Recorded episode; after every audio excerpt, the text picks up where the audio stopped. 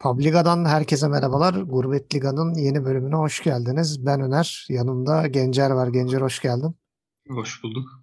Evet, e, Bundesliga'nın 10. haftası geride kaldı. Cumartesi günü bol beraberlikli bir gün geçirmiştik. E, programı bu sefer iki bölüm yapacağız. E, ilk bölümde bu özellikle daha çok cumartesinin maçlarına değineceğiz. Özel seçtiğimiz 3 maç Berlin derbisi, Münih Leipzig ve Schalke Leverkusen'i ikinci bölüme saklıyoruz. E, Freiburg Mönchengladbach'la başlayalım. E, senin görüşlerini alayım önce. Sen Freiburg Mönchengladbach maçı nasıl buldun? E, sonuç seni şaşırttı mı? Yani açıkçası yani şaşırdım da diyemem. Yani Gladbach gene sonuçta Avrupa'dan dönüp maça çıktı. E, Freiburg'un zaten ne yapacağı belli değil haftalardır kazanamama serisine devam etti Freiburg kazanamamaya.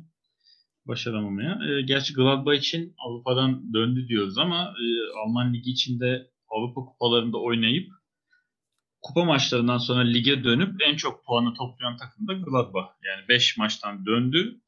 E, bunlarda 3 galibiyet bir beraberlik çıkardı. Yani 10 puan fena değil. E, yani aslında beraberlik bekliyordum biraz maçın. O amaçta şaşırtmadı diyeyim. Ama Gladbach'ın da kazanmasını da bekliyordum. O da bir yalan değil. E, maç için çok aslında söyleyecek bir şey yok. Şunu söyleyebilirim. Yani Freiburg'da Höller kaçırmaya devam ediyor. Evet, çok yani yine maçın başında yani çok erken pozisyon buldu. Yani Freiburg'u övüyoruz. Erken e, goller atıyor, maç başında atıyor diye ama o oyunu artık iyice bıraktı. Biraz da Höller'e teşekkür etsinler bu konuda. Çünkü her maçın başında böyle özellikle ilk 5 dakika mutlaka bir karşı karşıya pozisyona kalıp onu bir şekilde atamamayı başarabiliyor. E, Embolo ilk golünü atmış oldu. Hmm, öne geçiren Gladbach golüyle. E, hazırlanışı süperdi gol. Evet. Yani resmen gö- göz aldı. Gözüm kaldı yani. Ee, onun dışında ne diyebiliriz? Ee, Santa Maria'nın güzeldi baya. Santa Maria'nın mü- müthiş röveşatası biraz güme gitmiş oldu. evet araya girince. Yani Lienert attı golü ama hani Santa Maria çok güzel bir röveşat attı. Kalecinin önünde son dokunuşu yaptı Lienert. Yani dokunmasa muhtemelen girmeyecekti ama evet. yine de hani haftanın golü olarak seçebileceğimiz bir gol olabilirdi. Ee, sonra ikinci yarıya çok hızlı girdi gene maç. iki tarafa git geldi. Arka arkaya zaten Griffon'un golüyle önce Freiburg penaltı golüyle öne geçti hakikaten bu sefer bir yarıya hızlı başlamış oldu penaltı olsa ama e, daha golü sevinemeden Santa'dan Plea ile Plea'nın da çok güzel Evet. İki hafta önce yerdik ya ne biçim vuruyor topa diye çok güzel uzaktan bir şutla. Gene Golü plase gibi acayip bir şut. Ee, uzaktan yani plase gibi ama yani kaleci evet. izledi. Çok güzel haftanın golü diyebileceğimiz bir noktada. Hani onu seçmeyeceğim muhtemelen ama e, sonraki 40 dakika iki tarafa da git gelle devam etti. İki tarafta fazla gol bulamadı. E, gerçi gol bulamadı diyorum ama Freiburg'un gol bulması biraz da son engelledi. Pek evet şey, iki tane üst üste. De, evet. Üst üste yaptığı kurtarışlar var. Hani övdüğümüz reflekslerini görmüş olduk. Yani iyice zaten bir haftadır söyleniyoruz. Almanya iyice şey ligi oldu. Beraberlikler Ligi. Gene bu hafta da maçların yarısı beraber. İki ihtimalle maç demi maçlar var demiştim. Cumartesi günü neredeyse yani bir maç dışında beş maçın dördü beraber bitti yani. Evet yani iyice beraberlikler ligi haline geldi. Ee, ama en azından şunu diyebiliyoruz. Gollü, zevkli beraber. Yani Münih Leipzig maçı konuşacağız ikinci bölümde. Hani gollü bir maç. Yani yine beraberlik ama müthiş zevkliydi. Yani bu maçta çok sıkıldım diyemem. Ama yani daha güzel konuşulacak maçlar var. Evet orada da Gladbach son dakikalara doğru bir Hermann'la pozisyon yakaladı. Onu atsa belki 3 puanı kapıp götürebilirdi ama maçın hakkı beraberlikmiş. Cumartesi günü beraberlik günü demişken e, Evet Embolo'ya bir şey yapmadan Hı-hı. söylemiş oldum. Sevinmiş oldum onun adına. Hani bu sezon ilk golünü evet. 10. hafta bulabildi. Hani hep üzülüyorduk niye böyle niye böyle diye. Hafta içi de atmıştı ee, adına, şeyde Şampiyonlar Ligi'nde galiba. Şey, ligde atamıyordu. Evet. Yani buraya da taşımış oldu başarısını. Onun adına sevmiş olalım. Evet. E, Frankfurt Dortmund maçı biraz daha beklentili bir maç. Yani bizim için gene bir beraberlik kokan maçtı. Haaland'ın yokluğu zaten çok bariz bir şekilde belli oluyor Dortmund'da. Hafta içi Şampiyonlar Ligi'nde Lazio karşısında da çok sıkıntı yaşadılar. Bu sefer Guerrero'nun da olmayışı e, yani Dortmund aslında pozisyon anlamında çok e, sıkıntı çekmedi. Özellikle Sancho çok pozisyona girdi ilk dakikalarda. İki tane kaçırdığı e, pozisyon var. E, yani Sancho çok çaba sarf etti bu maç ama biraz şanssızdı desek e, yeridir. Çalıştı, çabaladı, bir şeyler yapmak istedi ama e, bir türlü fırsat bulup yapamadı. Bu maçın Dortmund adına en büyük e, artısı Reyna'nın attığı müthiş gol. Reyna oynadığı maçlarda cidden fark yaratıyor. Bunu söyleyebiliriz. Ama Dortmund defansında hala bir sıkıntı var. Özellikle kaç zamandır oynamayan Zagodo'nun bir anda ilk 11'e konması savunmanın dengesini biraz bozdu gibi. Kamada'nın golünde ciddi bir kademe hatası var. Kaleci Bürki de açıyı kapatmak için çok yavaş hareket edince Kamada rahat bir şekilde gol attı. E, asist kralında zaten kafaya oynuyor Kamada artık gol de atmaya başladı. E, bunun dışında Andre Silva Barkok çok istenilen düzeyde değildi. Yani Frankfurt e, çok fazla pozisyon buldu diyemeyiz ama bulduklarını da değerlendiremediler. Andre Silva hayalet gibiydi desek herhalde yanlış olmaz. E, senin notların nelerdi? Onları bir duyalım maçla alakalı. Ee, yani evet Dortmund'da savunma sıkıntısı dedin ama şimdi savunmada aslında şöyle bir sıkıntı var Dortmund'da. Şimdi Akanji'nin dizindeki problemden dolayı bu hafta yokluğu, e, Mönier'in aynı şekilde kadroda olmaması, e, zaten sezon başından beri Schmelzer'in solda yokluğu, hani defansta çok eksik olunca bu sefer dörtlüden üçlü bir defansa döndü Lucien Favre. Hani Hummels ortada, Emre Can'ı onun sağına çekti. Zagadu'yu da artık biraz mecburiyetten onun yanına koymuş gibi oldu. Öyle değişik bir 11 ile çıktılar yani üçlü defansta. E, yanlış hatırlamıyorsam Dortmund'da bu sezon ilk kez böyle üçlü defans görmüş olduk. Evet. E, ben Guerrero'nun sakatlığını anlamadım. Geçen hafta da yoktu. Sakatlıktan dolayı Bundesliga'da dedik. E, Şampiyonlar, Şampiyonlar Ligi maçına çıktı. Gol attı. Şimdi gene sakat dediler. Yani bu işte biteni var diyorum ya. Load management mı yapıyorlar acaba NBA'deki gibi? İşte ilginç geldi. Yani Haaland'ın eksikliği evet hani skor anlamında belki etkilemiş olabilir Dortmund'u ama e, açıkçası ben yani haftalarda söyleniyordum. Geçen seneki özlediğim Dortmund'u uzun süre sonra görmüş oldum bu maçta. Yani özlediğimiz Dortmund buydu. Hızlı ataklara çıkan, hani etkili olan, bir anda kale evet. önünde çoğalabilen. E, onu görmüş olduk. E, ama yani Frankfurt'un beraberlik lanetinden Dortmund'da kaçamadı. Frankfurt'un 5. üst üste beraberliği ve bu sezon 10 maçın da 7'sini berabere tamamladı Frankfurt. %70 beraberlik. E, Dortmund'un e, da ilk beraberliği.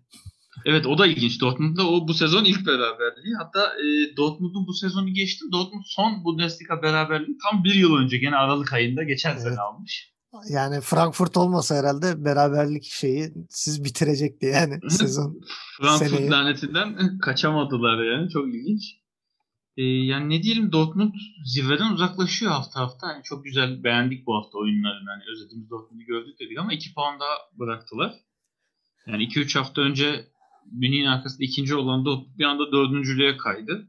Puanlar da çok ee, yakın. Evet Sürekli 4 puan açıldı. Liderle de arası 4 puan açıldı. 2 maça çıktı yani Münih'le fark.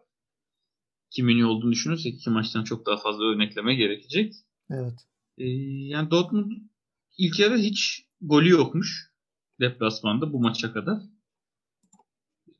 Hala yok galiba pardon. Evet tabii ikinci yarı attı evet. gene golü. Dortmund'un hala deplasmanda ilk yarı golü yok. Yani biraz da sanki Frankfurt bunu bilerek Frankfurt'ta çünkü 3 defans 3 forvet gibi çıktı aslında. Yani defansa çok yaslanmadılar. Dortmund'da biraz bu fırsat alanları verildiği için belki özlediğimiz Dortmund'u görmüş olduk. Ee, ilk yarı deplasmanda golü yok diyoruz. Daha ilginç bir istatistik. Dortmund bu sezon attığı 22 golün 19'u doğrudan ikinci yarıda. Yani Dortmund resmen sonradan açılıyor. İlk yarı sanki ısınmaya çıkıyor gibi. Ee, ama bu maç hızlı başladı. Aslında iki tarafa da git geldi. Ama golü bulan Frankfurt oldu Kamada'yla. Erken bir gol. 9. dakikada. Ee, zaten bu golden sonra biraz daha Frankfurt'tan geri çekildi diyemeyeceğim ama ileri atak yapmaktan daha geri durdu. Yani o riske girmedi. Daha çok topa hani hakim olayım, çevireyim mantığıyla oynadı. E, Dortmund'da kaptığı pozisyonlarla, top kaptığı pozisyonlarla hızlı ataklara çıkarak istediği pozisyonları biraz daha bulmuş oldu. E, Sancho'yu ilk kez bu sezon bu kadar etkili gördüm. Yani geçen seneki Sancho'ya benziyordu oyun stili. Hani top süren arkadaşlarına pozisyona sokan. E, zaten asist de yaptı ikinci yarıda elde atacaklar. Reyne'ye golü atladı. Reyna'nın golü de şurada çok etkileyiciydi. Yani Playan'dan sonra e, gene haftanın golü olarak bunu düşünmüştüm. Ama sonra e, başka biri çıktı. Onu da daha sonra anlatacağım. Özlediğimiz Dortmund'u biraz gördük. Ama Dortmund zirveden uzaklaşıyor. Yani bu ligdeki puan kayıplarına bir şeyler yapmaları lazım. E, biraz da Frankfurt'un sert oynamasından dolayı diyelim yani. Sonuçta Frankfurt'un da defansında oynayan 5 oyuncunun 4'ü hatta onların önünde oynayan 2 oyuncunun da biri yani 5'i sarı kart gördü. Yani 10 11 kişi maçı tamamlayabilmeleri de mucizeydi diyebilirim. Evet. Ama halen de olsa biraz daha belki tabelaya yansıyabilirdi bu hata. Ya Frankfurt'u da biraz panikletirdi. Daha farklı bir oyun görebilirdik. Ee, sırada başka bir beraberlik maçı var cumartesinin. Köln-Wolfsburg. Yani biz bu sonucu yani bekliyorduk da 2-2 beklemiyorduk. Wolfsburg'un savunmasında bir şeyler oldu herhalde. İki maçta 5 gol. Ee, biraz sıkıntılar yaşıyorlar. Özellikle ilk golde e, Lacroix'ın ciddi bir hatası var. Yani e, bir golü atan oyuncuydu galiba. Tilman geldi, önüne geçti, kontrol etti, döndü, vurdu. Yani Lacroix biraz düşüşte gibi. Brooks Lacroix ikilisini övdük. Şimdi şey oldu. biraz sıkıntıya düştüler gibi. Yani, Köln, değmesin diye oynamıyorlar. Evet. Bir de şöyle bir durum var yani birazdan Armiye Bielefeld'e gelince de bahsedeceğiz. Yani küme düşme potasına giren takıman bir şeyler oluyor böyle bir cana geliyorlar herhalde. Böyle bir deli, deli gibi oynayası geliyor. Köln bir anda canlandı yani. Hani e, pozisyona giremeyen, bir şey yapamayan Köln yani neredeyse Weghorst olmasa Wolfsburg'u yenecekti. Maça dair benim aklımda kalan şey Arnold'un muhteşem frikik golü. Çok harika bir gol attı. Yani ben cidden keyifle izledim. Genç bir oyuncu yani Wolfsburg'dan daha sonra bir sıçrama yapıp güzel bir transfer yapar mı yapmaz mı o biraz kendisine kalmış ama bu takımda Lacroix, Arnold, Brekalo e, ciddi manada e, güzel genç yetenekler ve e, büyük takım görürse şaşırmam diyorum. Sözü sana teslim ediyorum. Senin maçtaki notlarını alalım. Yani evet alt sıralara düşen takımlar sonuçta bir can havliyle yani aman gidiyor. Tabii Schalke'yi bunun dışında tutuyorum. Schalke'de hiç öyle bir hareketlenme yok. Evet, Schalke, Schalke yerinden oldukça memnun.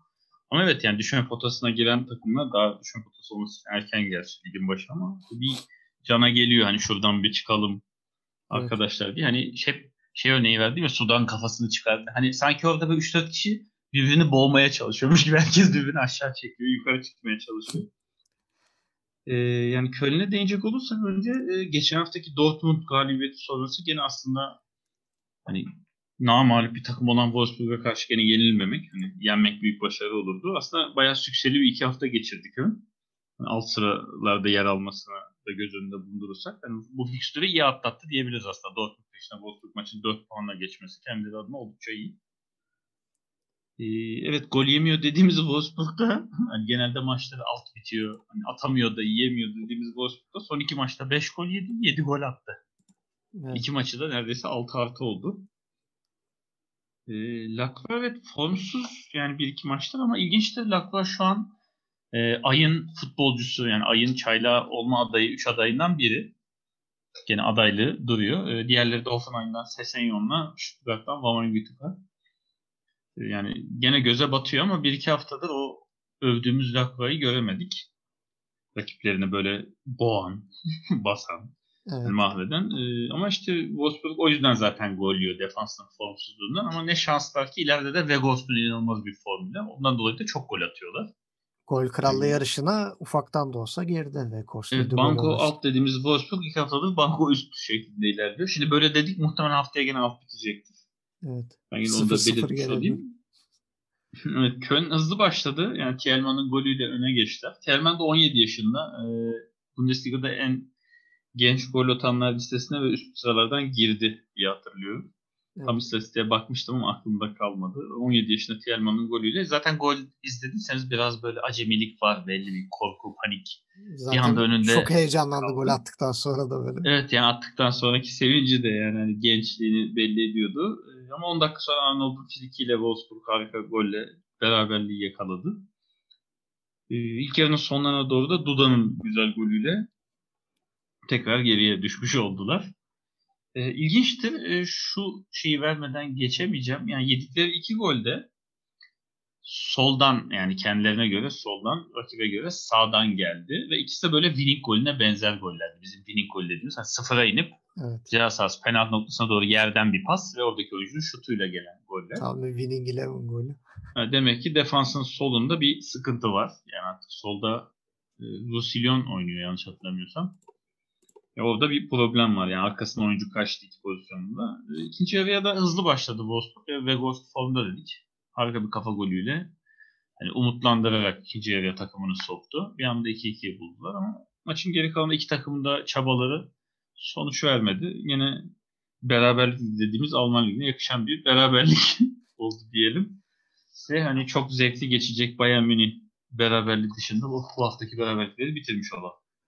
Evet e, sırada gene senin çok sevdiğin ligin dibindeki derbilerden biri. Armiya Bielefeld Mainz karşı karşıya geldi. Haftalardır Armiya Bielefeld için yani can çekişiyor diyorduk. Mainz'ı karşısına alınca böyle bir e, şamarladı mı diyeyim artık. Yani ha dur bunu yakaladım yapıştırayım diye. Biraz da Mateta'nın gene bu maçta da bir formsuzluğu vardı. Kaçırdığı 2-3 tane net fırsat var. Onu fırsat bildiler. İlk gollere biraz daha şans golü oldu. Ama ikinci golde Doğan ciddi, cidden çok güzel bir e, vuruşla skoru 2-0'a getirdi. Yani Mainz ilk yarı sahada çok yok gibiydi yani. E, Mateta'nın pozisyonu dışında çok ciddi girişimleri olmadı. İkinci yarı biraz daha kımıldandılar ama gol o kadar geç geldi ki gol de biraz şans golüydü. Yani böyle bayağı zorladılar. Özellikle Böteus zar zor topu çevirdi, Stöger attı. Ama tabii Mainz'e yetmedi. Armiye Bielefeld yani derin bir nefes aldı diyemiyorum. 16. çıktı. O bir basamak çıkabildi sadece ama e, oyunuyla biraz umut verdiler. E, burada Robin Zentler'e biraz üzülüyorum. Çünkü ilk golde çok şanssız bir gol yedi. İkinci golde de yani çok rahat vurdurdular Doğan'a. İkisinde de yapabileceği bir şey yoktu. Onun dışında da gene kurtarışlarıyla fark önledi. Ee, senin yorumlarını alayım. En sevdiğim maçlardan biriydi. Evet, Ma- Mainz benim favorilerimden bu sezon. Evet beklenmedik aslında Mainz'in birkaç haftalık formundan dolayı hani iyi gidiyor diye. Ben Mainz'in aslında kazanmasını bekliyordum. Beni biraz sürprize iten bir maç oldu. Yani çünkü Bielefeld de çok formsuzdu. Galibiyet bulamıyordu. 7 maçtır da mağluptu. Öyle bir seri yakalamıştı. Ee, Bielefeld evet hani 7 maçlık seriye son verdi. Puanla tanıştı. Puanlarla tanıştı. Evet çok sıra yükselemedi ama alt sırada için 3 puan hani oldukça büyük bir avantaj. Çünkü bir maç daha kazanması durumda bayağı orta sıralara yükselebilir. E, Mayıs'ta 3 haftada 5 puan topladıktan sonra tekrar yenilgiye başladı. Bunda Mateta'nın formsuzluğu evet ön planda. Yani 2 haftadır Mateta eski bildiğimiz Mateta'yı göremiyoruz sezonun ilk 7-8 maçındaki. Hani resmen Mateta takımı taşıyordu. Takım biraz form kazandı. Mateta oynamamaya başladı gibi oldu. Yani neredeydiniz? Oynamıyorum. Şimdi ben oynamıyorum der gibi. Evet. Ee, Mainz'le ilgili şöyle ilginç bir şey var. İlk kez Mainz tarihinde ilk 10 haftada 24 gol yedi. Bir rekor kırdı. Yani daha önce hiç 10 haftada 24 gol yememişti ligde. Böyle de bir rekor elde etti. Kendilerini tebrik edelim. Ee, aslında hızlı başladı Mainz. Gene Mateta'nın kaçırdığı pozisyonlar hani öne geçebilirlerdi maçın başlarında. Olmadı. Ee, sonra 10 dakikada peş peşe iki tane gol. Yani Doğan'ın bir gol bir asistiyle. Ee, ilk gol evet biraz şanssızlık. Defanstan sekip kaleciyi kontup bir yerde bırakan terse giden bir top. Artık yapacak bir şey yok. İkinci de Doğan'ın topu ceza sahasına kadar taşıyıp rahat vuruş yapması. Topun da çok güzel yere gitmesi köşeye yere. Bir anda 2-0 geriye düştüler. Ee, aslında beklenmedik yenilen 2 golle 2-0'dan sonra Bielefeld çok da e, gelmedi Mainz kalesine. Yani Mainz ondan sonra bastırdı ama 82. dakikaya kadar gol bulamayınca iş sonra girdi. Evet attıkları gol, Stöger'in attığı gol de umutlandılar ama golde de biraz dediğin gibi senin e, Bötius çevirdi ki Bötius bence orada ortaya çevirmedi. Kaleye vurmayı düşündü. Yani savunmadan sekince top kale önünde kaldı. Evet. E, böyle bir umutlandılar ama kalan 10 dakikada gol gelmeyince Manis tekrar yabancı olmadı. Mağlubiyetle bir kez daha buluşmuş oldu. Yani 16-17. yer değiştirdi yani bu maçta. Yine de ben hevesle Manis'de takip ediyor olacağım. Evet. E, sırada gene sıkıntı yaşayan takımlardan biri Werder Bremen. Stuttgart'ı ağırladı. 2-1 kaybetti. Ama yani Werder Bremen çok kötüydü bu maç ben. Yani pozisyona girmekte de zorlandı. İlk yarıda Vamangituka'nın penaltısı. Vamangituka'da çok formda bu aralar. Yani gol atmasa, asist yapmasa bile rakibi inanılmaz yoruyor ve müthiş bir enerjisi var maç sonuna kadar. Ee, burada Ömer Toprak'a bir parantez açmamız lazım. Yani Ömer Toprak bitmiş okey'e dönüyor. İki golde de muhteşem hataları var. Onun dışında bir gene hata yapıp ciddi bir pozisyona soktu Stuttgart'ı. Yani savunmada o kadar büyük sıkıntılara yol açtı ki Stuttgart'ın formsuzluğu da buna e, bunda etkili. Eğer şu an karşısındaki bir Bayern Münih, Leipzig veya bir Leverkusen falan olsa bir 5 gol yemiş olabilirlerdi bu savunmayla. Özellikle 90 artıda e, Wamangitukan'ın attığı golde Ömer Toprak'ın yaptığı hata yani inanılmaz 30-40 metre neredeyse depar attı geldi. Wamangituka kaleci ve Ömer Toprak'ın arasındaki mesafe 2 metre bile değil. Göğsüyle kaleciye bırakmaya çalışırken o kadar ağır davrandı ki Wamangituka topu kaptı ve orada tartışılacak bir gole imza attı. Hiçbir oyuncu e, geri dönmedi Werder Bremen'den hani gol atacak diye. Wamangituka da bekledi ve kaleci Pavlenka hareketlenip de yanına gelmeye başlayınca golü attı. Sonra da bir tartışma patladı. Onun tabii işin etikliği, etik olmaması tartışılıyor. Bana sorar, sorulursa o golü atıp sevinmesi lazımdı. Biraz fazla bekledi, abarttı gibi geliyor bana. Sonra da zaten sarı kart gördü. 90 artı 3'te de Werder Bremen'in tuhaf kafalardan seken bir golü vardı. Haftanın ben en enteresan golü olarak seçmek istiyorum onu. Çünkü ya hiç gol beklentisi olmayan pozisyondan gol çıktı. E, maç hakkında çok fazla söyleyecek bir şey yok ama senin ilginç notların vardı. Onları duymak istiyorum maça dair. Evet aslında iki takım da eksiklerle geldi. Ee, yani Sargent bir kere Werder Bremen'de 11'e döndü. O biraz ileri uçta hareketlendirdi takımı. Ee, ama Mevalt kırmızı kart cezalısıydı ve iki haftadır öldüğümüz Raşitsa'dan yoksun geldiler. Ee, Stuttgart'ta da zaten Nicolas Gonzalez'in yokluğu çok ürkütücüydü yani ileride. Ee, sakatlıktan dönüp iki haftada muhteşem performans gösterdikten sonra tekrar kayıplara karıştı. Ee, Stuttgart biraz ürkek geldi gibi geldi bana. Gerçi önde başladı gibi görünüyor ama hani Werder Bremen'den çekindiler gibi geldi.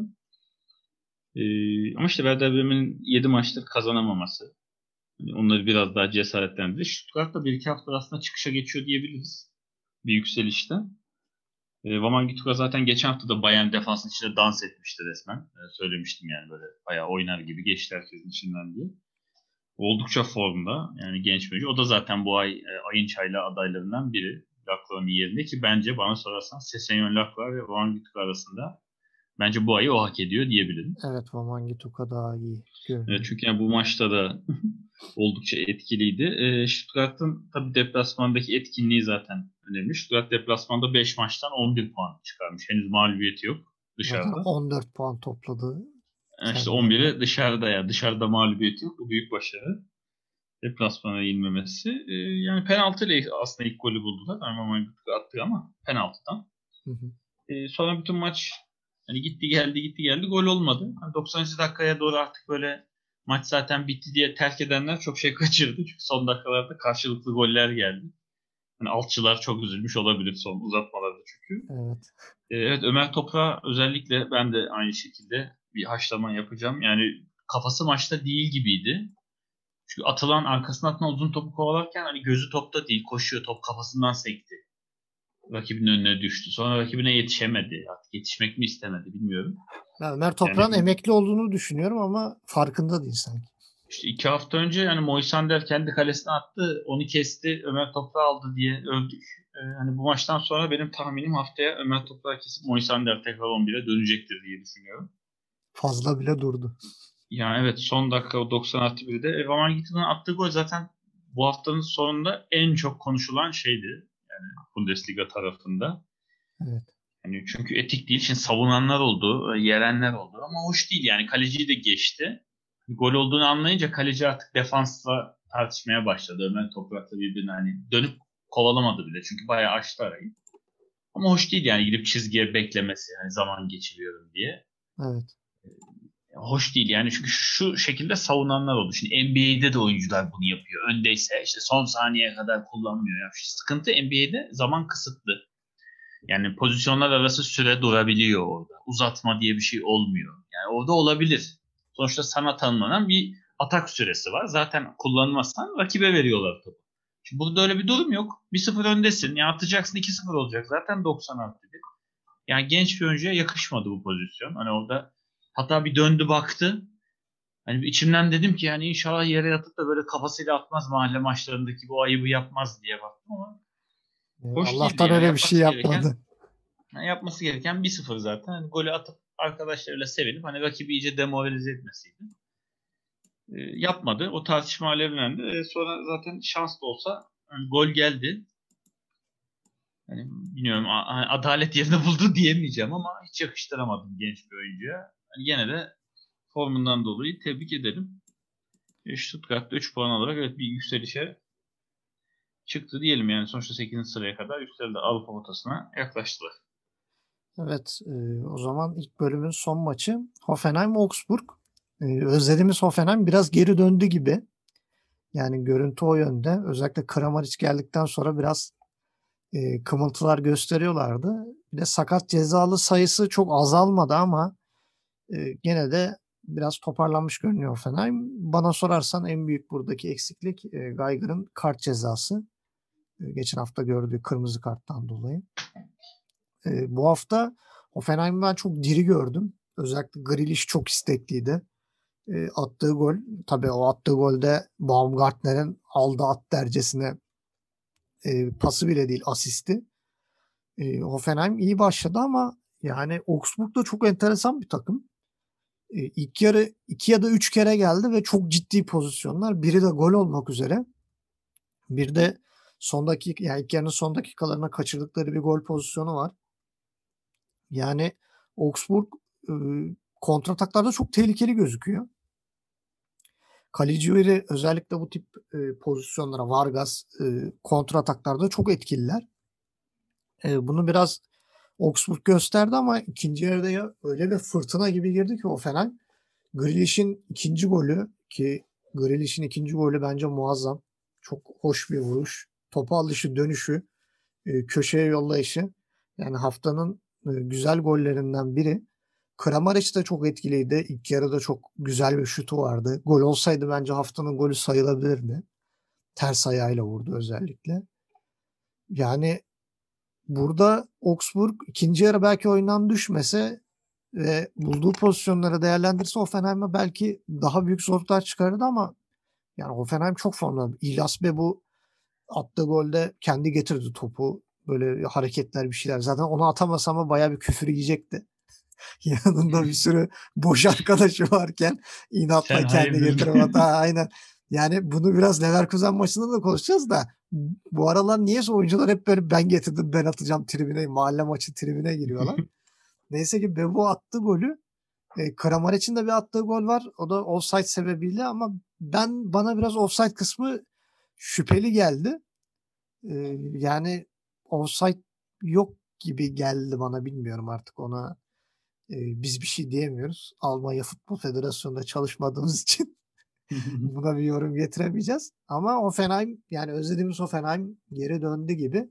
Eğer bir sakatlık bir şey olmazsa Offenheim'in sıradaki maçlarını ben meraklı bekliyorum. Mikrofonu da sana veriyorum. Evet Hoffenheim e, bu özellikle korona vakalarından sonra aslında oyuncu eksildi diyemiyorum. E, yedek sayısı arttı diyeyim. Çünkü yani korona sonrası Dabur, Skov hepsi yedekte yer aldı artık. Yani 11'e dönemediler bir türlü. Hoffenheim'de gene Kramaric'in yanında geçen haftaki golünden sonra Bebu ile ileride başladı. Ama bu sefer maçın yıldızı ne golcü Kramaric ne geçen haftanın forvet ismi Bebu değil. Arkalarındaki Grilic oldu. Ee, yani 7 maçlık galibiyet özlemi vardı Hoffenheim. Bunu böyle doyasıya son verdiler. Yani hakikaten taraftarını mest ederek bir galibiyetle son verdiler. E, Augsburg da yani 6. haftada övdüğümüzden beri bir düşüşte. Tam böyle Avrupa kümesine girdi derken 4 haftada 5 sıra gerilediler. E, yani maç hakkında konuşacak olursak e, Hoffenheim Freiburg'a hani maç nasıl hızlı maç nasıl hızlı giriş yapılır dersi verdi diyebilirim. Çünkü Hoffenheim'in ilk yarıdaki ilk şutu, ikinci yarıdaki de ilk iki şutu gol oldu. Yani vurdukları gol oldu. Yani vurduğun gol olsun derler ya aynen öyle oldu. Evet. Ee, yani Grealish kariyerinde ilk kez iki gol atmış oldu bu maç attığı gollerde. Daha önce kariyerinde ilk gol yoktu. 25 yaşında bir oyuncu. Orta sahada oynuyor. Ve çok hevesliydi yani bu maç. Evet istekliydi. Zaten maça çok hızlı başladı. 17. dakikada attığı gol. E, gayet güzeldi. Yani hızlı bir giriş yaptı ki o gole kadar da zaten Hoffenheim'in atakları vardı. E, biraz da şeyi görüyorum yani Kramaric'in golcülüğünden korkan takımlar biraz onun üstüne oynuyor sanki. Çünkü onun yanında oynayanlar çok rahat gol atıyorlar. Evet. Hani Kramaric tehdit unsuru haline geldi. O yüzden de iki haftadır gol atamıyor. Daha doğrusu iki haftadır attığı goller offside gerekçesiyle iptal ediliyor diyelim. Ee, tamamen Hoffenheim'in üstünlüğüyle bir 30 dakika oynandı. 1-0'da öne geçtiler. Ee, ilk gel- geldikleri pozisyonda 31 dakikada Augsburg golü buldu. Cagliari'nin kafa golüyle. Onun dışında zaten ilk yarı neredeyse Hoffenheim kalesini görmedik. Yani kadrajda. Ee, ikinci yarıya evet çok hızlı bir giriş yaptı Grealish. Gene 46. dakikada inanılmaz bir gol attı. Ee, böyle şey golleri ben çok severim. Böyle arka köşeye yerden plase. Hı. Ve hani golün böyle kaleye gitmesi topun. Kaleciyi de geçtikten sonra böyle 2-3 saniye sürüyor ya. Ha, evet. Şey Yavaş gibidir. yavaş böyle. çocukken, ha, çocukken olur ya böyle ertesi gün çok güzel bir şey yapacaksındır. Çok heyecanlı. Hani gece uyuyamazsın onun heyecanı çok güzel. Bilirsin ki o olacak. Ama ertesi gün o kadar hevesin olduğu kadar tadını alamazsın o şeyden. O kadar da güzel değilmiş gibi olur. Hani mutlu eden o hevestir. Hani o çok güzel. Taraftar olarak benim çok hoşuma gidiyor izlediğim maçlarda bunlar. Çünkü topun artık kaleye yani gol olacağını biliyorsun ya o anki sevinç golden daha güzel geliyor. Çok güzel bir golle tekrar avantajı kendilerine çekti Grilic. Ee, işte iki hızlı girilir nasıl diyorken 46. dakikada böyle bir öne geçerken 50. dakikada 5 dakika sonra bir gol daha Bebu'yla. Bebu da evet kontraya çıkarlarken sanki Grilic biraz hani golü atmasın da hani topu sürsün kanada doğru çünkü attı böyle taç çizgisine kadar açtı neredeyse Bebu'yu.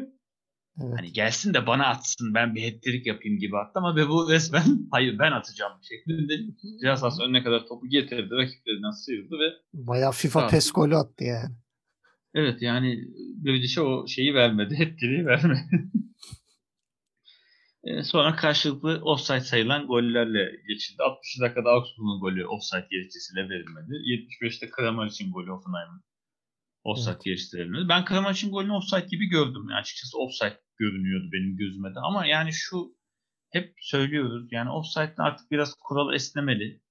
Yani oyuncu böyle defanstan kopmalı. Çünkü bak tartışıyoruz bak. Birimiz öyle gördük, birimiz böyle gördük. Şimdi doğrusu neydi bilemiyoruz. Bana çok yakın geldi mesela. Yani bu maçın çok ucu belki ucuna. skorunu etkilemeyecekti. Yani 3-1 bitti gene. Yani 4-1 olacaktı. Değişmeyecekti belki ama yani biraz şeye inanıyorum ben. Oyuncu hani defanstan koptuysa artık offside verilsin. Çünkü yani offside taktiği oynayacağız diye artık savunmalar da çok öne çıkıyor. Oyun çok dar alanda kontrolsüz oynanıyor. Yani bu, çünkü her atağa çıkacak, kontraya çıkacak takım ama bütün defanslar ileri koşuyor ve göremiyoruz. Yani çoğu gol offside diye ya iptal oluyor ya pozisyon başlamadan bitiyor. Evet. Yani biraz daha böyle şey olması lazım.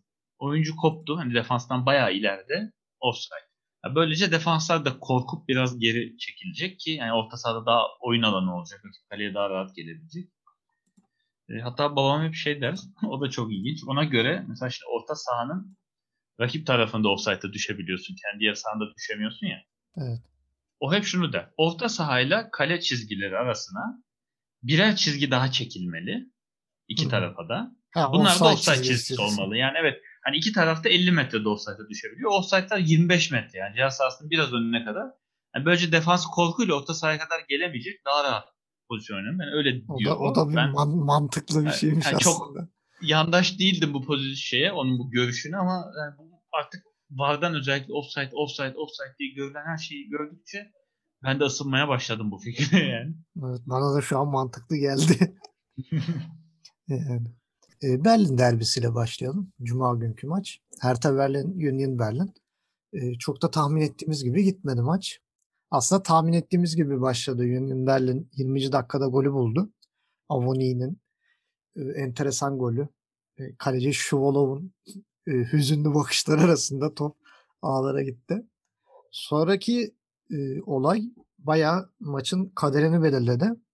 Amreh'in inanılmaz gereksiz sert müdahalesi. Yani pozisyonu tekrar izlerken bile ben şahsen anlayamadım yani niye öyle bir müdahale yaptı. Hani ciddi bir pozisyon yok, bir şey yok. Orta sahada bir mücadelede neden ayağını o kadar kaldırıp kramponun altıyla e, rakip oyuncunun boynuna vurması Lucas Toussaint'ın Yani çok gereksiz bir kırmızı kart. Haklı da bir kırmızı kart. Yani hakem kırmızı kart çıkardığı zaman itiraz ettiler ama bence itiraz edecek bir şey yok. Çünkü bayağı çivili kramponun adamın boynuna girdi. E, oradan sonra Union Berlin Çanakkale geçilmez oynamaya çalıştı ama e, bir savunma hatası. Pekarik'in golü. Pek de e, gol atması beklenen bir oyuncu olmayan Pekarik'in golü.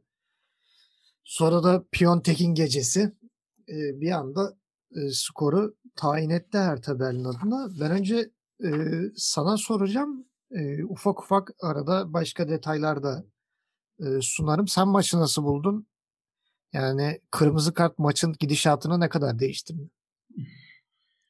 Yani öncelikle gene Labadia eski huylarına döndü diyerek başlayayım. Gene Piontek yedekte oturdu.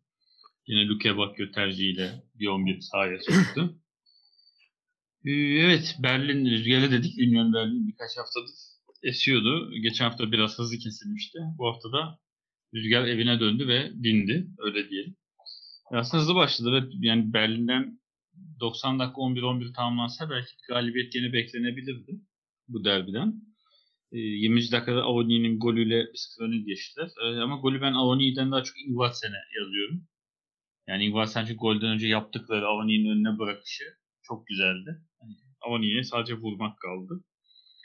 E, tam bir golle hani rüzgar gene sert esiyor derken 3 dakika sonra Andri'nin gördüğü kırmızı kart maçın gidişini tamamen değiştirdi. Ya aslında kasıtlı bir hareket yoktu Andri'nin yaptı ama yani rakibin boğazına gelen bir tabanla basma yani affı yoktu. Kırmızı kartla oyun dışı kaldı. Halbuki bir sıfır öndesin. Yani orta sahada çok kritik pozisyon değil. Yani o seviyeye ayak kaldırmaya bence gerek yok. Gereksiz bir hareketle takımını eksik bırakmış oldu. Yani maçın kaderini değiştirdi bayağı. Kesinlikle. Zaten bu kırmızı karttan sonra hemen Hertha Berlin gelmeye başladı. İlk yarı Luke Bakio ile 2-3 tane çok ciddi pozisyon kaçırdı. Yani ilk yarı da aslında doğrudan dönebilirdi maç. Ama dönüş ikinci yarıya kaldı. Dediğin gibi 50. dakikada e, gene Kunya aslında. Kunya'nın şutuyla Pekarin'in önünde kaldı top kaleciden sekince. Beklenmedik bir gol. Pekarin golü. E, beraberlik yakalandı. E, ikinci yarıya e, zaten Hertha Berlin Lavadia şeyle başladı. Hem Piontek'i rakibin 10 kişi kalmasından cesaret olarak sürdü. Hem de Kanada Dilosun'la başladı. Yani iki tane ileriye dönük hücuma yönelik iki oyuncu sokarak başladı. Bu da işe yaradı. 75. dakikada Piontek'in e, golü geldi. Biraz defansların da sekti gol. Hani evet zaten o sekti. gol olacak gibi bir pozisyon değildi aslında. Kaleci evet. hazırlamıştı kendine tutmak için ama. Öyle bir gol oldu. Mesela o golün aslında Dilrosun yaptı. Gene Piontek'te ikinci yarı oyuna giren oyuncu. Yani iki oyuncu golü hazırlayıp atmış oldu. Labadya başarısı. Başarı mı denir bilmiyorum. Rakip 10 kişi kalmasa çok eleştirilebilirdi gene yere tutması. Bence de. Evet. Yani şimdi 10 kişi rakibe ikinci yarı iki forvet yani forvet yönelik bir orta saha forvetle çıkmak tabii şey teknik direktörlük başarısı gibi yorumlanabilir. E, öne geçti 3 dakika sonra gene tekrar Dilrosun getirdi soldan. Gene Piontek'e golü attırdı. Bir anda fark 2'ye e, çıktı. E, Hertha Berlin durmadı yani iki fark olmasına rağmen 90 artıya kadar kovalamaya devam etti golü ama başka gol bulamadı. Ee, yani Hertha Berlin'e biraz ilaç gibi bir 3 puan oldu bu. Çünkü peş peşe Dortmund ve Leverkusen maçlarında çıkan bir puanın peşinden bir 3 puan ilaç gibi geldi. Bir de Piyo, Piontek'te biraz form tuttu. Onun da sevinci vardı onlar. Tuttu ama işte Hertha Berlin'de oynuyorsanız şundan korkacaksınız. form tuttukça kulübeye gitme ihtimaliniz yüksek. Yani bu oyuncu iyi bunu sonra hamle olarak kullanırım denme ihtimali yüksek. Lavadya seviyor öyle şeyler. Kısır döngü var. Evet Berlin derbisinde Union Berlin'de rüzgarı dinmiş oldu. Yani Hertha Berlin'de e, Piontek'in çıkışından bahsettik. Piontek iki gol bulduktan sonra da bir özgüvenle muhteşem bir şut attı. Yani kaleci Lute çıkarmasaydı fantastik bir gol görebilirdik. E, güzel bir hat-trick gelebilirdi. Ama e, izin vermedi Lute. Onun dışında Union Berlin bence kaybettiği 3 puan veya Andri'nin kırmızısından çok maç sonu Kruse'nin sakatlanmasına üzülmüştür. Yani Union Berlin hani puan kaybettiğine mi yansın 10 kişi kaldığına mı yansın Max Kruse'nin sakatlığına mı yansın en çok Max Kruse'nin sakatlığına yanmıştır. Senin herhangi bir bilgin var mı Kruse'nin sakatlığı hakkında?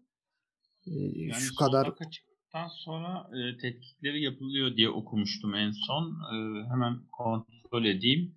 Yani Evet. i- ilk Kasları, başta evet, kas evet, yırtığı var. Kas demeti yırtığı diyor. Yani henüz geri dönüşü belli değil. Yani ne kadar sürecek ama önümüzdeki hafta olacağını zannetmiyorum ben. En azından bir hafta yani iki hafta olmayacak diye düşünüyorum. kas yırtığı deniliyorsa büyük ihtimal bir 3 haftayı bulur gibi Evet gözüküyor. yani 2020'yi kapattı denilebilir belki. Ya Yani kas yırtığı değil, kas demeti yırtığı diyor. Yani bayağı demek ki de şeyle kapsamlı bir yırtık oldu. Ki kas hani zaten kendi kendine de kasılıp bırakılan bir organ olduğu için hani iyileşmesi oldukça zor sürüyor. Yırtık çünkü gel- gelişiyor gitgide. evet çok e, yani Union Berlin'e çok büyük bir kayıp. Hani takımı bayağı sürükleyen, takımın beyni olan bir oyuncudan yoksun kalacaklar. Ve Union Berlin dediğimiz gibi zaten zor bir fikstüre girecek. Yani Allah sabır versin Fischer'e diyelim. Ee, Haftaya bahaneleri olur diyelim ne diyelim. ha, yok haftaya mi? evet haftaya Bayern Münih'e konuk edecekler. Sonra Stuttgart'a gidecekler. Sonra Dortmund'u ağırlayacaklar. Bu üç maç yani Union Berlin için tahmin ettiklerinden daha da zor geçecek gibi görünüyor. Ee, Berlin derbisini e, Andri'nin sayesinde Hertha Berlin güldü ve biraz moral buldu. Valla yani hem Piontek'i kazandılar hem maçı kazandılar. Labadia seviniyordur yani bu hafta rahat Ne uyumuştur zaman. Labadia'yı kaybedecekler ben onu merak ediyorum. Evet bir de öyle de bir durum var. Öyle de bir enteresan e, bir e, anekdotumuz var. E, Schalke Leverkusen maçı haftanın en şaşırtmayan maçı. Schalke gene yani kötü gidişatını sürdürdü diyoruz işte hani küme düşme hattına kim geçse cana geliyor. Bir Schalke gelemiyor. Aslında bu maçı çok kötü oynadıklarını söyleyemeyiz. Pozisyonlara girdiler. Hatta bir gol de buldular ama e, Ut offside'da olduğu için sayılmadı ki eğer o pozisyonda Ut offside'da olmayıp golü atsa maçın seyri çok değişirdi. Çünkü Leverkusen inanılmaz gevşek oynadı. Yani bu kadar kolay, bu kadar cömertçe harcanan pozisyonlar. Hani Leverkusen'in yani kaçırdığı golleri böyle slide gösterisi yapsak hani böyle bir 5 dakikalık falan şey çıkardı yani. Şik'in kaçırdıkları, Bailey'nin kaçırdığı, Diaby'nin kaçırdığı işte e, kaleciyi de biraz şey yaptılar yani kaleciye de şov yaptırdılar ki Langer'le de alakalı biliyorsun maç içerisinde de spikerle spiker de söyledi hani e, yaklaşık 10 senedir e, Bundesliga'da mı? 10 senedir ilk defa mı maça çıkıyor? Öyle bir şey yani böyle bir tuhaf bir istatistiği vardı ve bö- böyle bir durumda inanılmaz kurtarışlar yaptı. Çok güzel toplar çıkardı. E, Diaby'nin füzesini çıkardı Bailey'nin pozisyonlarını kurtardı. Baumgartlinger'in çok güzel bir şutu vardı. Yani elinden geldiğince farkı önledi. Yani 3-0'lık skor biraz yanıltabilir ama yani burada kalecinin e, hiçbir e, şeyi yok yani payı yok diyebiliriz yani. Kaleci olmasa 8-9 olabilirdi. Burada da kalecilerde bir Schalke'de bir şey var artık. Hani e, biraz maç içerisinde de konuşuldu. Oyuncular sanki oynamak istemiyorlar. Maçlardan kaçıyorlar gibi bir hava oluşmaya başladı. Farman sakat, Ronaldo sakat. Bir anda üçüncü kaleciye kadar geçti mevzu. Bu kaleci de sakatlanırsa herhalde çok genç bir kaleci devralmak zorunda kalacak. Yani Ut geçsin kaleye. yani Ahlers var 23 yaşında herhalde sıra ona kalacak. Ut kaleye geçerse bütün gol umutları biter herhalde. Schalke'nin. Ut'un kalede gol atma ihtimali ileride atmasan daha yüksek olabilir. E, Yani evet öyle de bir enteresan bir durum. Bu hafta e, Thiaw çok kötüydü. Zaten kendi kalesine muhteşem bir gol attı uçarak. Yani burada faul beklediler ama bence burada faullük bir pozisyon yok. Çünkü Thiaw öyle bir tutuyordu ki arkasında şeyi Dragovic'i hani geçmesin diye. Yani o şekilde arkanda adamı tutarken yani e, arkadaki adamın seni itmesi faul olamıyor. Çünkü sen zaten faul yapıyorsun. Onun itişinde yani ya penaltı olurdu ya kendi kalesine gol. Hakemler kendi kalesine gol verdiler. Çok da güzel bir kafa golü e, kaydetti. E, sayılmayan golleri var dedik. Bir de üstte penaltı kaçırdılar. Yani burada Sinkran'ın muhteşem bir e, hatası var. İlk pozisyonda penaltıyı yaptıramadı. Dur kalkayım öbürünü indireyim o zaman deyip bu sefer e, Suat Serdar'dı galiba. Onu indirdi. Zaten hakem ilkine değil ikincisine verdi penaltıyı. Sonra zaten Hradeski'nin penaltılardaki başarısı konuşulurken Skripski penaltıyı kaçırdı. e, dönen toptan gelen kafa vuruşunu da Aradeske çıkardı. Şovunu yaptı. Zaten onun dışında da çok e, net pozisyonlar gelmedi kalesine. Yani burada Leverkusen'e şu parantezi açmak lazım. Abi nerede bu takım oyunu ya? Her ayağına alan kendi vurmaya çalışıyor. Çizgiden çekiyor, şık kaleye vuruyor. Bailey kaleye vuruyor. Diaby kaleye vuruyor. Amiri kale. Baumgartlinger gibi bir ön libero yani. Golle burun buruna gelmeyen bir adam bile ya uzaktan şutlar falan deniyor. Bu kadar boş oyuncular da varken yani Leverkusen bu yani karşısında Schalke olmasaydı bunları pahalı ödeyebilirdi. Ama dua etsinler Schalke'ye. Biraz da Hradetski'nin kurtardığı penaltı. Çünkü penaltıyı e, gole çevirse Schalke 2-1 Schalke yüklenebilirdi ve bir gol daha bulup maçı karıştırabilirdi. Ama öyle olmadı. E, Patrick Schick sonunda yani forvet olduğunu hatırladı. Bir güzel bir gol attı. Amir'in pasında. Amir'in pası da çok şıktı. E, 3-0 kazandı ama yani Leverkusen için çok olumlu şeyler söyleyemiyorum. Sen ne diyorsun maç hakkında? Leverkusen'i sen nasıl buldun? Yani evet Leverkusen şaşırtmadı. Yani galibiyet şeyine devam etti. Schalke'de mağlubiyet serisine devam etti. Schalke'nin ben bir yılı doldurmasını bekliyorum yani. Onayı biraz geçti. Mağlubiyet, daha doğrusu galibiyet alamama şeyini bir yıl doldurmasını bekliyorum. Aslında maçtan önce şeyi konuşmuştuk hatırlarsın. Hani Schalke kazanamıyor. Leverkusen önüne geleni yeniyor. Yani kesin tersi olur şimdi. Hani iddiacılar üzülür diye konuşmuştuk. Olmadı. Sürpriz olmadı. Yani Leverkusen Alario'dan eksik geldi. Deplasmanda bile gayet rahat bir galibiyet aldı. Ee, Leverkusen'in kulübesi geçen maça göre biraz daha doluydu. O mutlu etti. Geçen maç bayağı boştu kulübe yani. Evet.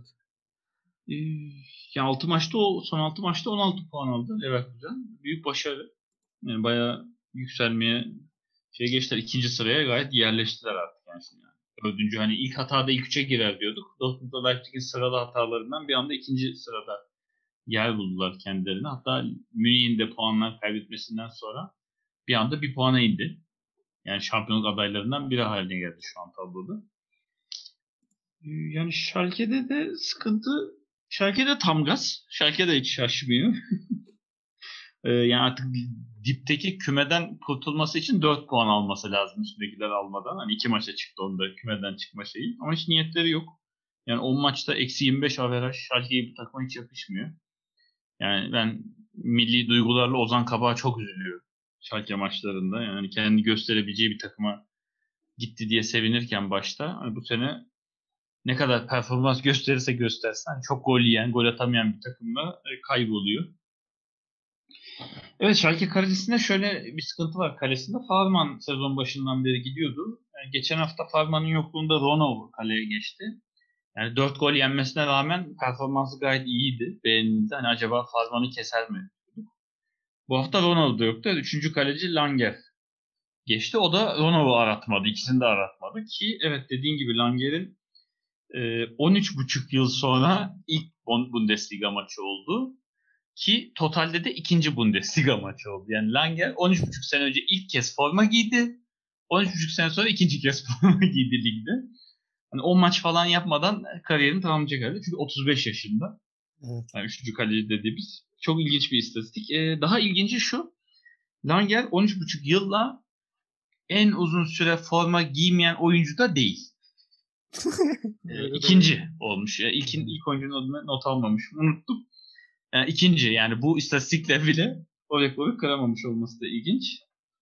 Ee, Schalke evet Schalke'nin bir de şöyle bir problemi var. Zaten ilerideki probleme göze batıyor. Gene golsüz bitirdikleri maç. Yani Schalke 2, 6 gol attı 10 maçta. Zaten gol sıkıntısı var. İlginci Schalke kendi kalesinde 2 gol attı bu sezon. Yani golleri toplayıp 8 dersek attığı gollerin %25'ini kendi kalesine atıyor Schalke. 4 golün birini kendi kalesine atıyor. Evet. Orada bir sıkıntı var. Zaten 10. dakikada evet, kendi kalesine attığı inanılmaz gol. Yani bayağı bir an ben kalelerimi karıştırdım. Hani niye sevinmiyor falan diye bakıyordum Thiago'ya. Sonra fark ettim. ama kendi kalesine attı falan diye. Çok güzel. Çünkü hiç hani topu dışarıya vurmaya çalışıyor, uzaklaştırmaya çalışıyor gibi niyeti yok gibiydi vuruşta. Gayet kendi kalesine vurdu gibi geldi. Maçta da pek konsantre değildi zaten benim haftanın. Evet hiç kimse yani. değildi yani Şalke'de kimse değildi. Mesela geçen hafta çok güzel gol attığımız zaman yoktu. Yani çok kötü olacak ama yani o kadar pozisyon yiyen Schalke defansta Ozan Kabak'ı bile neredeyse hiç görmedim yani. E, Schalke için işler çok kötü gidiyor. E, aslında 32. dakikada Gujarab'da golü buldular. E, oyuncunun gol sonrası surat ifadesi Schalke'nin aslında durumunun bir özetiydi bu sezon. Yani o offside değildi, ut offside. Evet, ut offside dedi sonrasında pozisyon öncesinde offside var diye. Ama oyuncu golü attı. Çok güzel seviniyordu. Hani bir anda gökte güneş açtı, gökkuşağı, çiçekler. Sonra offside görünce suratı düştü bir anda böyle hani. Tekrar karanlığa döndü. Evet. O suratının özeti Schalke taraftarının bu sezonki şeyini çok güzel anlatıyordu. Ee, yani Langer olmasa evet bayağı yani Ajax'ın o 13-0'lık maçı gibi bir maç izleyebilirdik. Çünkü inanılmaz pozisyonlar çıkardı. Çok fazla kurtarışı var. Yani 65. dakikaya kadar takımını hani maçta tuttu diyebiliriz. Yani fark birde kaldığı için. Ama Schalke forvetin tabii ki pozisyon üretememesi, skor üretememesi yani kaçılmaz son. 60. dakikada kornerden gelen, duran toptan gelen ikinci gol. Baumgartlinger'in attığı. Yani 19 tane de şut var Leverkusen'de. Ee, çok şut var yani. 9'u kaleyi buluyor, 3'ü gol. Yani 6 şut çıkarıyor çok net. Evet. Ee, yani iki, iki farka çıktıktan sonra penaltı kazandı Schalke. Ama onu bile atamadı. Yani tamam rakip kaleci Hradeski'nin de penaltılardaki etkinliği biliniyor ama ya artık bunu da atamıyorsan ne atacaksın derler ya artık bu hani bunu penaltıya söylemek çok üzücü. hani genelde bu boş kaçırılan pozisyonlara denir. Yani penaltıyı bile atamıyorsan neye atacaksın artık? Hakikaten o. Durum bu. Zaten penaltı kaçtıktan sonra Schalke iyice düştü oyundan. 5 dakika sonra da Şik'le 3. golü buldu. Leverkusen çok rahat şekilde. E, açıkçası 3-0 olduktan sonra Schalke şey, Leverkusen de çok yüklenmedi. Tamam yeter istediğimizi aldık. Yani bir de biz vurmayalım. Evet. 3 puanla döndüler. Bir anda Leverkusen zirvede yerini sağlamlaştırdı ve hani Bayern'in bir hatasında hani ilk üçe girebilir diyorduk. Bayern'in bir hatasında liderliği de ele geçirebilir Leverkusen. Öyle bir noktaya geldi ki son iki haftada forvetinden, az forvetinden yani gol kralına yürüyen forvetinden eksik halde geldi. O da dönünce Leverkusen durdurulamaz olmaya devam edecek sanırım. Bakalım neler yapacak Leverkusen. Yani şimdi zirveyi en çok ilgilendiren maç Bayern Münih Leipzig. E, buradaki beraberlik zaten e, Leverkusen daha çok iştahlandırdı. E, bu maça gelelim. Yani haftanın maçı diyoruz. Haftanın maçına da yaraşır bir e, performans iki takımdan Kesinlikle. da. Yani öncelikle Leipzig çok hızlı başladı maça yani. Hatta bir gole kadar 2-3 tane çok net pozisyon var kaçan. Ee, Enkunku'nun zaten sadece iki tane pozisyonu vardı e, kaçan gollerde. Ama golde biraz e, Neuer'in hediyesiyle geldi. Neuer'de bir düşüş var. E, buna da bir- zaten biz biraz dikkat çekiyorduk. E, özellikle kaleden çıkışlarda e, biraz sıkıntı yaşıyor gibi. Stuttgart maçında da böyle bir hata yapmıştı. Bu hafta Leipzig'e de yaptı. Leipzig'te de Enkunku affetmedi. Forsberg'in pasında. Sonra senin genç yeteneğin e, Musiala girdi Martinez sakatlanınca. Musiala girdikten 5 dakika sonra Koma'nın pasına muhteşem bir gol attı. Yani 17 yaşında inanılmaz dinamik oynuyor. Pas trafiği, e, oyun görüşü çok düzgün. Çok da yumuşak bilekleri var. Çok harika bir plaseyle kaleciyi avladı yani Gulacci'yi. Uzak köşeye. Ben çok beğendim. Yani e, haftanın golü olarak ben Musiala'yı görüyorum. Yani 17 yaşında olmasının da verdiği etki ve uzak köşeye harika bir vuruş. E, skora dengeyi getirdi. Sonra zaten şoktan çıkamadan Leipzig e, 2-1 oldu. Koman gene çok güzel e, paslaşmalar sonunda. Koman'ın asisti Müller golü attı. Yani tam bir Bayern Münih sistemini anlatan goldü diyebiliriz. Muhteşem paslaşmalar. Lewandowski'nin harika şekilde Koman'a bırakması. Koman'ın da e, Müller'e aldı at dercesine bıraktığı pas. Zaten Müller gibi gizli golcüler de böyle şeyleri e, şey yapmazlar. Asla es geçmezler. E, Bayern Münih sevinemedi. Çünkü hemen arkasından gene senin çılgın bir genç yeteneğin Kluivert gol attı. Maçı 2-2'ye getirdi. E, yani maç o kadar böyle gidiyor gitti geldi ki ben yani bu maçın beraberlikle biteceğini düşünüyorum. Çünkü yani iki taraf da muhteşem oynuyor. En iyisi puanları paylaşsınlar diye bir düşüncem vardı. Bir korkum da ikinci yarı iki tarafında temkinli olmasından çok korkuyorum. Genellikle böyle olur ya ilk yarılar böyle fırtına gibi geçer. Ondan sonra ikinci yarı gol olmaz falan böyle hani çekirge sesleri falan duyulur. Ondan sonra öyle sessiz geçer. Hiç öyle olmadı. Daha 48. dakikada Angelinho'nun ortasında e, Bayern Münih defans oyuncularının herhalde tarlada domates mi topluyorlar, ne yapıyorlar? Forsberg'i bıraktılar. Forsberg hayatının en kolay gollerinden birini attı hem de kafayla. 3-2 öne geçirdi. Sonra gene Koman maçtaki 3. asistini yaptı Müller'e. Gene harika bir orta. Adrese teslim bir orta. Müller de zaten böyle goller için var. Maçın skorunu tayin etti. Yani ben maçtan müthiş bir keyif aldım. Münih Dortmund maçından sonraki en keyifli maçtı diyebiliriz. Yani bir de benim aklımda kalan Mönchengladbach Leverkusen maçı var 4-3'lük. Yani bu sezon e, zirve yarışındaki takımların maçları çok keyifli olmaya başladı. E, ben şahsen e, çok beğendim. Yani haftanın maçı seçmekte de tabii. E, başka elimizde maç yok. Bu kadar güzel geçen. E, topu sana atayım. Sen maçı nasıl buldun? Evet yani beraberliklere alıştığımız haftalarda bir beraberlik daha ama en azından hakkını veren yani izlerken sıkmayan bir beraberlik oldu. Ee, artık evet şeyler yani dediğim gibi Alman takımların Avrupa'da liderliği neredeyse hepsi garantileyince tam kadro çıkmaya başladılar maçları. Yani Münih sakatları hariç tam kadroydu. Leipzig de aynı şekilde. Leipzig'de sadece Sörlot kıza çekildi. Sörlot'a tekrar yani hep böyle üzülüyorduk, yanında oluyorduk. Bu sefer yanında olamayacağım. Yani atamadı, atamadı Bundesliga'da. Hafta içi Başakşehir maçında bizi üzdü. Başakşehir'e fişini çekti. Yani adam evet yani Türkiye Ligi'nde resmen sanki bize karşı düşmanlıkla oynuyormuş anlamıyorum. Türk takımlarından patlar haline devam ediyor. Ama o golü de gene ligde 11'e girmesine yetmedi. E, ilginç olan Campbell da 7'ye çekildi. Evet. Orta sahada. Bu maç Ad- uzun süre Adam, sonra. Adams çok etkiliydi ama yani. Adams'ı ben artık sakatlık olmadıkça keseceğini düşünmüyorum. Ama Adams'a e, yani Campbell'a Adams'a sağlanan özgürlük sağlanmadı. Yani Campbell'ın ileri gitmesini istemiyor Nagelsmann. Adams'ta öyle bir şey yoktu. Adams gayet atakları hazırlayan orta saha oyuncusu şeklindeydi. Hani eğer o rolü Campbell'a verse Campbell daha iyi oynar diye düşünüyorum ben. Yani çünkü bayağı ara pasları Enkunku'ya özellikle uzun toplar attı. Evet. Ee, yani hızlı başladı şey zaten Leipzig maça. Gol geliyorum diyordu yani Enkunku dediğim gibi iki tane çok net böyle çaprazdan plase şut kaçırdı. Hepsi çok yakın geçti kaleyi. Yani geliyorum diyordu. Münih çünkü çok arkada boşluklar verdi. Çok defansa yatmadı haliyle. Ama onu da diğer takımlar gibi olmadığı için Leipzig değerlendirebildi. Hani geliyorum denilen gol 19. dakikada Enkunku ile geldi. Bir anda geri düştü Münih kendi sahasında. Ama yani Münih diğer takımlar gibi değil biliyorsun yani. Asla disiplinden kopmuyor. Hani fark da olsa, 2 de olsa, 3 de olsa dönmesini biliyor yani. Maç çevirmesini biliyor. E, o golden sonra zaten maç bir o tarafa gitti, bir bu tarafa gitti. Yani Münih öne geçti. Sonra bir daha Leipzig. Tenis bir maçı gibi oldu bayağı. Aynen tenis maçı gibi, set gibi izledik. Yani 20. dakika desek Enkunku golüne çok uzamadı. 10 dakika sonra gol geldi.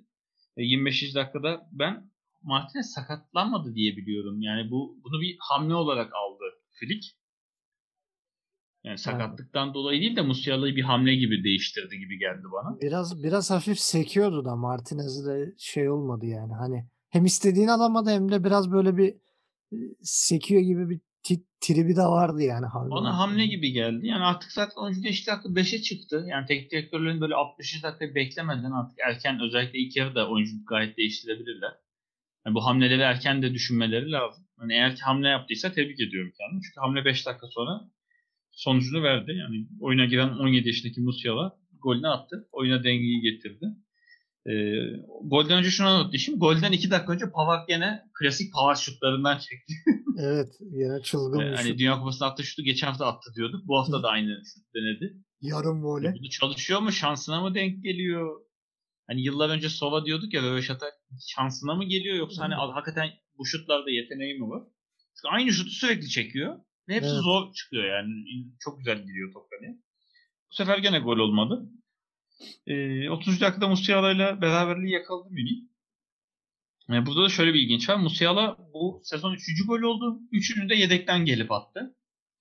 Musiala ve e, bunu yapabilen daha doğrusu ligde 17 yaşında gol atabilen, 3 gol atabilen 4. oyuncu oldu. Daha önce Bundesliga'da 17 yaşında 3 gol atabilen oyuncular Pulisic, Werner ve Havertz'miş. Güncel 3 tane ismin arasına dördüncü olarak kendini yazdırdı. E, ben zaten hep yani oynamasa bile 11'de kadroda olması gerektiğini düşünüyorum. Yani yedeğe alınmaması bana ilginç geliyor genelde. E, bu golle Münih yani şahlandı diyemem ama bir Leipzig'te şey oldu, panik oldu. Hani sonuçta rakibi Münih korku oldu. O panikte hemen Müller'in golüyle 4 dakika sonra e, körüklendi. Hani ne yapacağız, ne edeceğiz? E, hep diyordum evet Kluivert niye oynatılmıyor bu takımda? Yani sonuçta geçen sene Roma'da banko 11 oynayarak geçirmiş bir oyuncu. Niye burada düşünülmüyor? Ki Sörlot'un formsuz olduğu, Polse'nin e, umursamaz olduğu, Forsberg'in ne yapacağı belli olmayan bir ileri kadroda bence denenmesi gerekiyordu ve denendiği maçta golü attı. Tekrar dengeyi getirdi. Oyunu 36. dakikada. E, ilk yarı bu skorla bitti. Yani iki tarafa da bir kere gidip gelen maç ortada bitti. E, ben de aslında ikinci yarıdan dediğin gibi korkuyordum. Yani biraz daha böyle durağan bir ikinci yarı iki tarafında birbirinden çekinecek gibi geliyordu ama öyle olmadı. Daha ikinci yarının ilk dakikalarında Forsberg'in golüyle tekrar öne geçti Leipzig. Gene Münih'in arkasını boş bırakması. Ee, şeyin Leipzig'in efsane ileri atak oyuncusu diyelim artık. Angelio Solbek olarak değerlendiremiyorum. Evet. Resmen golcü asistçi bir Solbek haline geldi. Çok güzel. Yani resmen Forsberg'in kafasına koydu topu. Forsberg de bomboştu kale önünde. Çok rahat bir gol attı. Tekrar Leipzig önde başlamış gibi oldu ikinci yarıya. Ee, uzun süre ataklar iki tarafa da gene gitti geldi. Ama Münih'in biraz daha e, yoğun baskısı vardı. O da 73. dakikada gene Müller'in kafa golüyle dengi sağlanması durumu oldu. Ee, ilginçtir evet Münih'in gollerin 3'ünü de Koman yaptı. Bu da güzel bir istatistik. Yani 3 asist oldukça etkileyici. Evet. Yani yaşı da Elbette ama hani artık Münih'tesin nereye gider diyorum ki bu oyuncu hiçbir yere gitmez yani. Koman yani burada hani, efsaneleşebilir. Juventus'tan gelmişti Ansat'ta. Juventus niye böyle bir adam bıraktı? O da çok ilginç geliyor bana. Ya Juventus'la Bayern Münih arasında hep böyle çok tuhaf transferler dönüp duruyor bazen. Ben yani, anlam veremiyorum. Yani Koman gayet çok net Avrupa'da yani dünyada Avrupa'da değil mi? Her takımda bank 11 oynayacak bir kanat oyuncusu. Ya Juventus'un şu anki durumu ortada. Yani neden böyle bir oyuncu bırakıldı anlamış değilim. Douglas Costa gayet, gitti geldi gitti geldi. Öyle. Yani gayet burada performansla devam ediyor gollerin asistlerine. Bu da 5. asist oldu yani. 2 asist yapmıştı 9 maçta. Bir maçta 3 asist daha yapmış oldu. E, Leipzig ile ilgili şöyle ilginç istatistikler var. E, yani Kluivert'ın gol atmasıyla Leipzig'te 11 farklı oyuncu gol atmış oldu kadroda. Yani bu övülecek bir şey mi, yerilecek bir şey mi biraz yoruma bırakıyorum. Çünkü şunu diyenler de olabilir ne güzel takım oyunu. Herkes gole yakın. Yani tehditkar bir takım. Herkes gol atabiliyor. Mu yoksa takımın bir golcüsü yok mu? Yani herkes az az gol atıyor. Ortada mı gidiyor? O düşünülmesi lazım. Yani daha ilginç olan e, Leipzig erken kurulan bir takım. Yani yakın zamanda 2009'da kurulan bir takım. E, bu maçtaki golleriyle e, Allianz Arena'da ilk kez gol atmış oldu Leipzig. Daha önce Allianz Arena'da 11 senedir golü yokmuş Münih'e karşı ligde. Böylece Allianz Arena'da golü bulmuş oldu. Ee, yani belki Alaba sol beke dönmüş oldu. Hernandez'in yokluğunda. O açıkçası sevindirici. Ben Alaba'yı çünkü açıkçası stoperde görmek beni çok mutlu etmiyor. Yani ben bek oyuncuların stopere devşirilmesi ya da sto- bek yok diye stoperin beke devşirilmesi benim çok hoşuma gitmiyor. Yani ben bu durumlarda eksiklerde yandaki oyuncuların yana kaydırılması değil öndekinin ileri geri kaydırılmasından yanayım. Yani stoper eksikse daha ön liberomsu bir oyuncu. Çok sonuçta ortada oynamayı bilen, savunmaya yönelik. Bek yoksa da hani kanat oyuncusu. En azından köşede oynamayı bilen. Yani Alaba'nın solu dönmesi beni oldukça mutlu etti. Yani aynı şey kimi içinde. Yani umarım Kimih'ten önce lütfen yani beni duysun. Filik ne olur sağ bekte oynat abicim bu arada. Tamam iyi oyuncu, teknik oyuncu ama yani iyi oynayan oyuncunun pozisyonunun daha ileri kaydırılması kariyerinde benim çok hoşuma gitmiyor. Mesela aynısı bende Bale'de var. Biz Bale'i sol bek olarak sevdik. Tottenham'da. Ya bu çocuk iyi top sürüyor diye kanada alındı. Sonra iyice ofansif adam forvet oldu ya. yani o konuda çok bir şey söylemek mümkün değil. Bale'in kariyeri çok karıştı çünkü sonra. Ya evet yani hani zaten ileri geçtikçe sakatlıklardan sonra da Madrid'de şey oldu. Hani şeyine döndü ama biz Bailey sol bek şu an mesela sorsan Bale hangi mevkinin oyuncusu kesin bir şey söyleyemiyorum. Sol kanat sadece yani başka. Yani, yani hani sola yakın Joker her yerde oynar ama Bale benim gözümde sol aynı şekilde Alaba da benim gözümde sol bek olmuştu. Kimi de sağ bek olmuştu. Yani ne olur bu oyuncuların yani Münih bunu çok yapıyor. Şu oyuncuların yerini değiştirmeyin. Ha bek olan oyuncu bek kalsın. Aynı şekil Lam sol bek diye oynadı. Lam sağ beke çekildi. Benim için müthiş bir kültür kavram karmaşasıydı. Yani bu adam sol bekti. Niye sağ beke çekildi? Yani neler oldu? Yani mini antrenörüne ne olur sesli bekleri de bek oynadı. Abi lütfen. Rica Peki, ediyorum. Bakalım haftaya kimi nerede göreceğiz? Peki o zaman haftanın oyuncusuna kimi seçiyorsun? Haftanın oyuncusuna ben yani yaptığı etik dışı hareketi de dahil ederek ben Vaman Gituka'yı seçiyorum. Yani ben de onunla Piontek arasında kaldım. Piontek de güzel bir dönüş yaptı. Bu hafta. Yani evet Piontek işte 90 dakika oynayamadığı için hani biraz daha evet. yorulmuş rakibe sonradan girdiği için şey yapacağım. Gerçi öyle düşünsek Vaman Gituka ve Ömer Toprak'ın asistleriyle buraya geldiğim ama Vaman Gituka'nın bu yani geçen haftaki Münih maçı yani bu ay içinde geçirdiği iyi performans gösterdiği iyi performans üzerine koyarak gittiğine devam ettiği için evet. e, o hareketi de yapmasa çok daha mutlu olacaktım ama. Peki haftanın golü? Haftanın golü ben için ikinci golü bence. Ben ya de... o golü dedim ya o golün gelişimini evet. görmek. Yani evet. Oluşunu. Gol olacağını bilerek izlemek. Çok teknik bir şekilde alıp e, rakibini geçip köşeye vuruşu. E, ben de Musiala'yı seçtim. Yani, yani ben biraz... Plea ile Reina arasında gidip geliyordum ama işte dünkü maç fikrimi değiştirdi. Yani. Ya ben de Plea'yı çok düşündüm de yani artık alıştığım gol tiplerinden biri Plea'dan. Hmm. Ben Musiala'yı bilerek seçtim. Hani dediğin gibi bir hamle gibi girdi oyuna ve şey yani hemen meyvesini veren bir gol attı. Ve daha 17 yaşında olması bir de Leipzig gibi güçlü bir rakibe karşı takıma direnç getirdi. Ben şahsen e, o golü seçtim Musiala'yı. E, haftanın tenekesi yani ben Tiav'ı görüyorum Schalke'de. Sağda yoktu. Bir de kendi kalesi çok güzel gol attı. Senin teneke adayın var ben mı? teneke yani oyuncu olarak Ömer Toprak diyorum ben. Ömer Toprak evet yani bence yani Tiav'la ikisi kafa kafaya oynardı yani. Yani Tiav hani kendi kalesine attığı gol evet hani şanssızlık diyemeyeceğim. Hani kalesine hani attı çünkü bayağı vurdu o tarafa doğru. Evet. Ama yani Ömer Toprak'ın yani defans oyuncusu, son oyuncu arkasına gelen topta bile kafası arkasında topu izlememesi. Yani arkasından gelen topun kafasından sekip diğerinin önünde kalması. Uyuyor şey hal tavrı. Yani oyuncu olarak Ömer Toprak teneke yani takım olarak da kesinlikle Schalke gene. Evet. O zaman e, ben de Schalke'yi diyorum. Schalke bakalım bu şeyden kategoriden ne zaman çıkacak? E, 11. haftanın fikstürü Cuma günü Wolfsburg-Frankfurt e, maçıyla başlıyor. E, Cumartesi günü 5.30'da Dortmund-Stuttgart, Leipzig-Werder Bremen, Mönchengladbach, Hertha Berlin, Freiburg, Arminia Bielefeld ve Mainz-Köln maçı var. Mainz-Köln gene ligin dibini ilgilendiren bir e, maçla karşımızda olacak. E, Cumartesi günü son maçı da Union Berlin Bayern Münih arasında e, geçecek. Pazar günü ise iki maç var. E, Augsburg Schalke'ye konuk edecek. Augsburg için çıkış maçı olabilir. E, 8'de de Leverkusen Hoffenheim maçı var. Bence haftanın en ilginç maçlarından e, biri olacağını düşünüyorum. E, ama senin tabii gözün Mainz Köln maçında olacaktır. Ben Benim açıkçası haftanın en dengeli böyle ilginç geçebilecek maç olarak Dortmund Stuttgart'ı görüyorum. Yani evet. deplasmanda inanılmaz formu olan bir Stuttgart ve bu İçeride hafta, haftalar sonra özlediğimiz Dortmund yani iki tane formda takım. Hani biri içeride biri dışarıda formu. Evet. E, tam da öyle oynayacaklar. O maç gözümü şey yapıyor. E, evet Mainz Köln maçı bir lig gibi uzmanı olarak benim çok ilgimi çekiyor. Merakla izleyeceğim. Bakalım Mateta formuna kavuşabilecek mi? Yoksa Köln Yükseli iki haftalık performansını devam mı ettirecek? Evet. Ee, yani Union Berlin Bayern Münih maçı evet Kruzen'de yokluğuyla biraz daha rahat geçebilir Münih'e doğru. Sonuçta Şampiyon Ligi maçlarını tamamlamış olacak bu hafta içinden sonra. Ki yanlış hatırlamıyorsam liderliği de garantiledi Avrupa'da. Hafta içi Münih bayağı rotasyonlu bir 11 ile çıkabilir.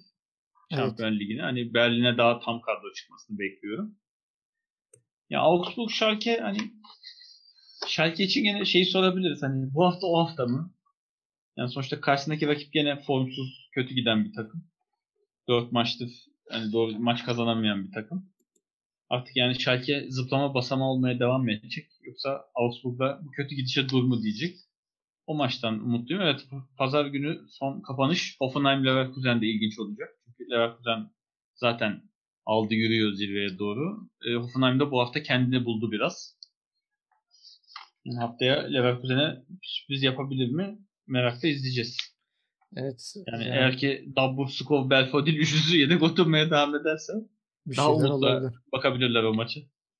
Evet, e, 10. haftayı da böyle kapattık. 11. haftanın fikstürünü verdik. Programı yavaştan kapatalım.